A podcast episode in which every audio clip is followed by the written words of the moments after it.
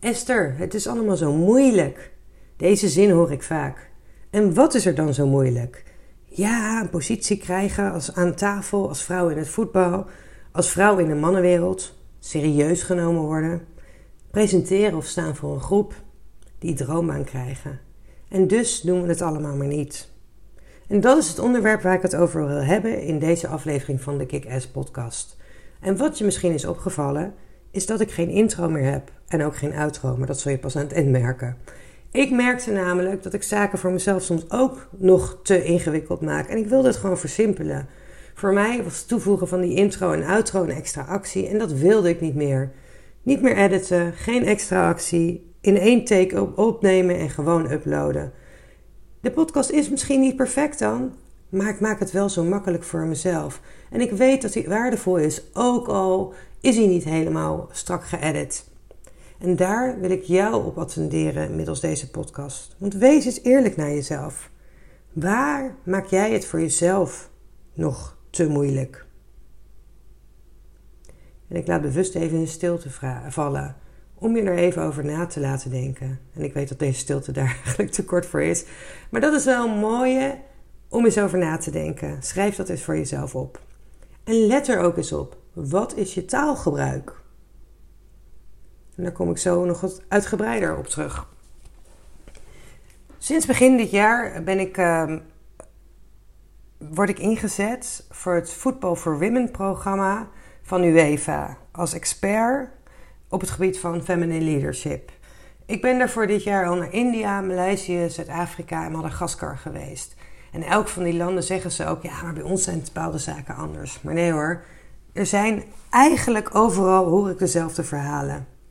Ja, het is zo lastig als vrouw in het, in het voetbal in dit geval. Maar als jij als vrouw in de mannenwereld werkt, dan zul je dit ook wel herkennen. Ik hoor het ook vaak in mijn DM's of bij mijn coaches. En let eens op je eigen woorden. Waar zeg jij nog dat dingen moeilijk zijn? Veel vrouwen komen naar mij toe. Het is zo lastig. Ik word niet serieus genomen. En het punt is, als je dat gelooft, dan gaat het ook zo zijn. En bij mijn coaches en ook bij de Football for Women programs is dat het eerste dat ik ze afleer. Want wat het is, als jij iets moeilijk vindt, dan sluit je eigenlijk al een deur. Dan geef je jezelf permissie, een excuus om niet in actie te komen. Want ja, het is nou eenmaal moeilijk, dus ik hoef het niet. Ik hoef het niet aan te gaan. Of ja, er is nu eenmaal een glazen plafond, dus ik hoef niet verder. Want het is mij toch niet gegund. En weet je, als je dit toestaat, dan kom je ook niet verder. Dus ik wil je challengen. Let daar eens op. Je hersenen kennen namelijk geen onderscheid tussen wat waar is en wat jij verzint. En hoe langer jij blijft roepen dat iets moeilijker is, dat iets moeilijk is, hoe meer je het gaat geloven. Zelf heb ik het als vrouw in de voetbalwereld eigenlijk nooit echt als lastig ervaren. Het viel me wel op dat ik vaak the only woman at the table was. En hoe verder ik kwam, hoe minder vrouwen er overbleven op leidinggevende posities.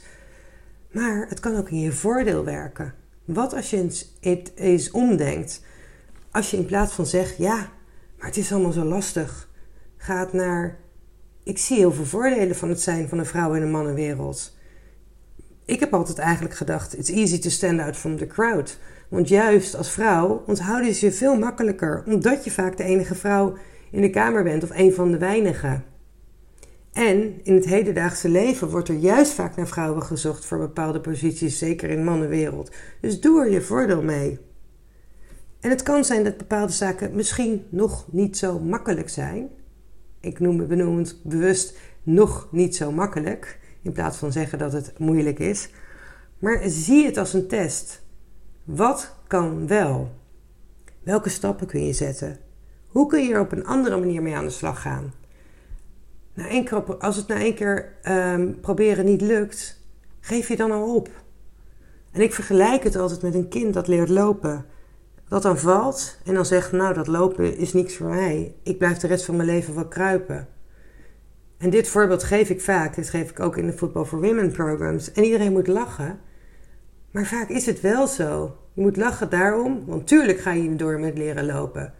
Maar wij geven vaak op na één keer proberen. een voorbeeld wat ik ook wil noemen is uh, het, staan voor een groep, presenteren. Bij Football for Women uh, geven we de, geven we de, de deelnemsters, um, nou geven niet de mogelijkheid, ze, ze worden eigenlijk gevraagd om hun verhaal voor de groep te presenteren. En heel veel vrouwen vinden dat doodeng. Het is ook een van de grootste angsten die er, die er is um, om voor een groep te staan omdat je afgewezen kunt worden. Nou, daar uh, zal ik nog een keertje een podcast over opnemen. Volgens mij heb ik al eerder een podcast over opgenomen. Maar wat ik dan vraag, en het zijn vaak bijvoorbeeld oud-voetbalsters die meedoen. Dan vraag ik, wat heb je gedaan om beter te worden? Was jij al zo succesvol toen je startte met voetbal? En dan zegt iedereen, nee, tuurlijk niet. Ik heb heel veel getraind en dergelijke. Maar wat we vaak willen, is dat we wakker willen worden en overnight ineens een ster zijn in presenteren. Ik krijg tegenwoordig veel opmerkingen, zeker in die, in die uh, groepen. Want ik heb uh, bij Voetbal voor Women sta ik natuurlijk voor die groep en loop ik lekker rond. En ik vind het ook super leuk, nu. En dan krijg ik van die opmerking, ik wil ze zelfverzekerd en ontspannen als jij voor een groep staat. En hoe denk je dat dat is gekomen? Ik vond het vroeger doodeng. Echt doodeng om voor een groep te staan. Ik weet het nog in mijn studententijd. Moesten we het, hadden we het vak presentatievaardigheden en werden we opgenomen. Nou, en aan het eind stond ik met mijn armen over elkaar. En toen dacht ik, oh, ben benieuwd hoe lang ik dat heb gedaan. Nou, blijkbaar was ik al een eind van 20, 30 seconden. ging ik al met mijn armen over elkaar staan. Omdat ik het doodeng vond. Maar ik ben het maar gewoon gaan doen. En ik ben er beter in geworden door te oefenen. Door het gewoon heel veel te doen. Mijn eerste manager, eh, of mijn eerste manager in de sportwereld, Harry Been die was echt een ster daarin. Die kon, iedereen hing aan zijn lippen als hij presenteerde. En ik vroeg, ja, hoe, hoe ben je daar zo goed in geworden? Zei hij, Esther, het is een kwestie van ervaring opdoen. Ga het ook maar doen. Dus hij heeft mij af en toe gewoon naar voren geschoven. Ga jij maar voor die groepen staan. En inmiddels vind ik het niet meer eng. Vind ik het juist leuk om te doen. En ben ik merk dat ik het elke keer weer een beetje verbeter. Elke keer net weer wat relaxer voor een groep sta. Weer nieuwe dingen ga uitproberen.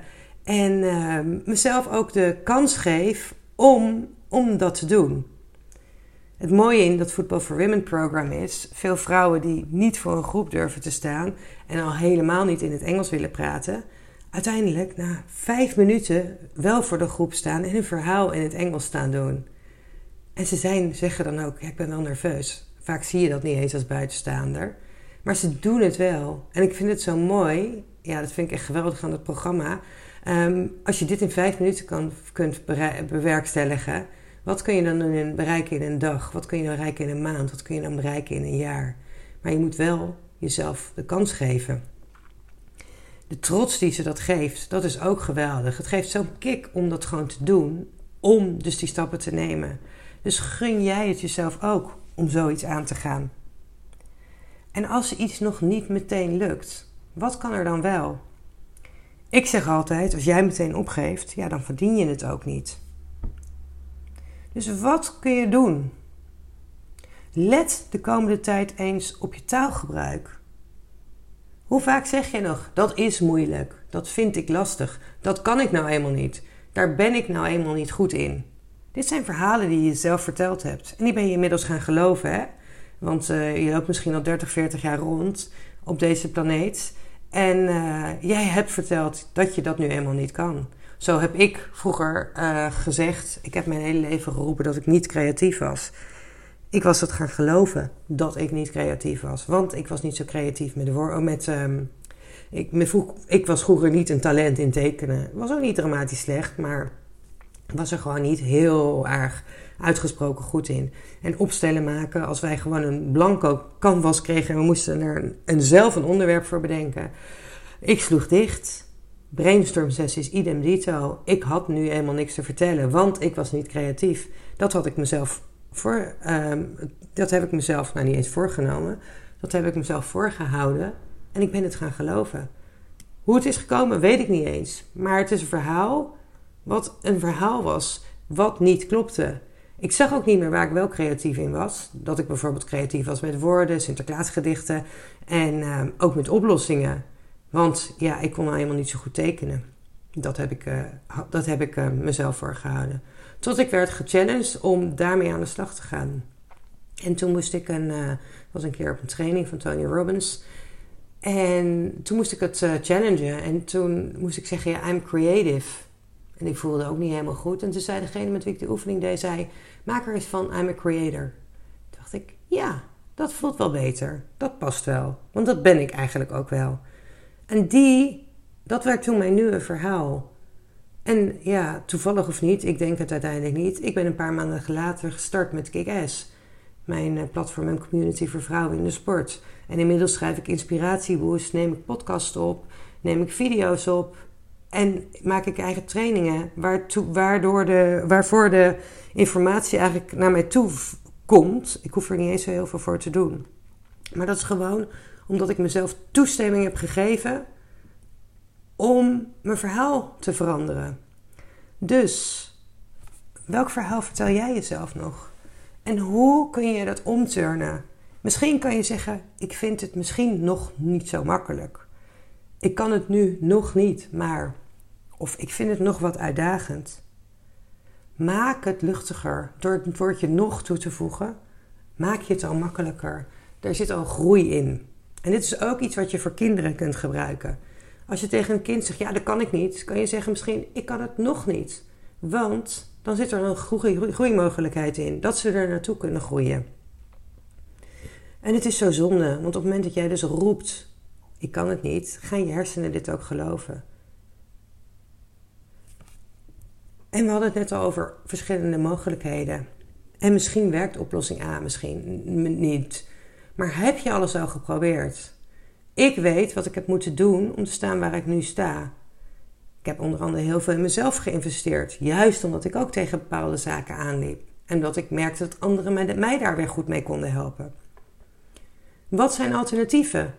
Ik weet zeker dat als jij bepaalde dingen zegt, ja, het is nou eenmaal moeilijk, dat je nog niet alles hebt gedaan.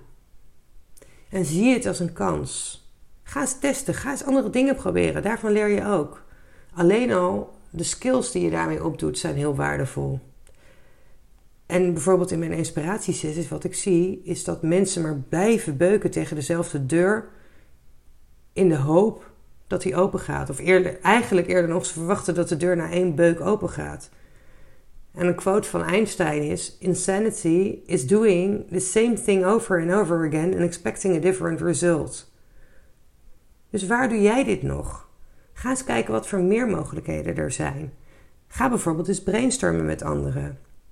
Want vaak heb jij je blinde vlekken, waardoor jij alleen maar de weg van A naar B ziet. Maar via C kun je er ook komen. En dat is misschien met een omweg.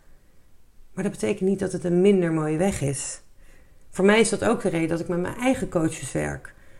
Enerzijds omdat ik natuurlijk dan de hoogste waarde kan bieden aan mijn klanten, omdat ik mezelf blijf verbeteren, ik blijf mezelf ontwikkelen, maar ook omdat ik mijn eigen blinde vlekken niet zie. En zij maken mij daarop alert. En daar kan ik dan mee aan de slag gaan. Want je bent je niet bewust van wat je je niet bewust bent. Van wat jij bijvoorbeeld zegt. Ik word daarop gechallenged. Als je dan weer zegt, oh ik vind het zo lastig. Dan krijg ik meteen, uh, uh, nee. Hoe kan je dat op een andere manier zeggen?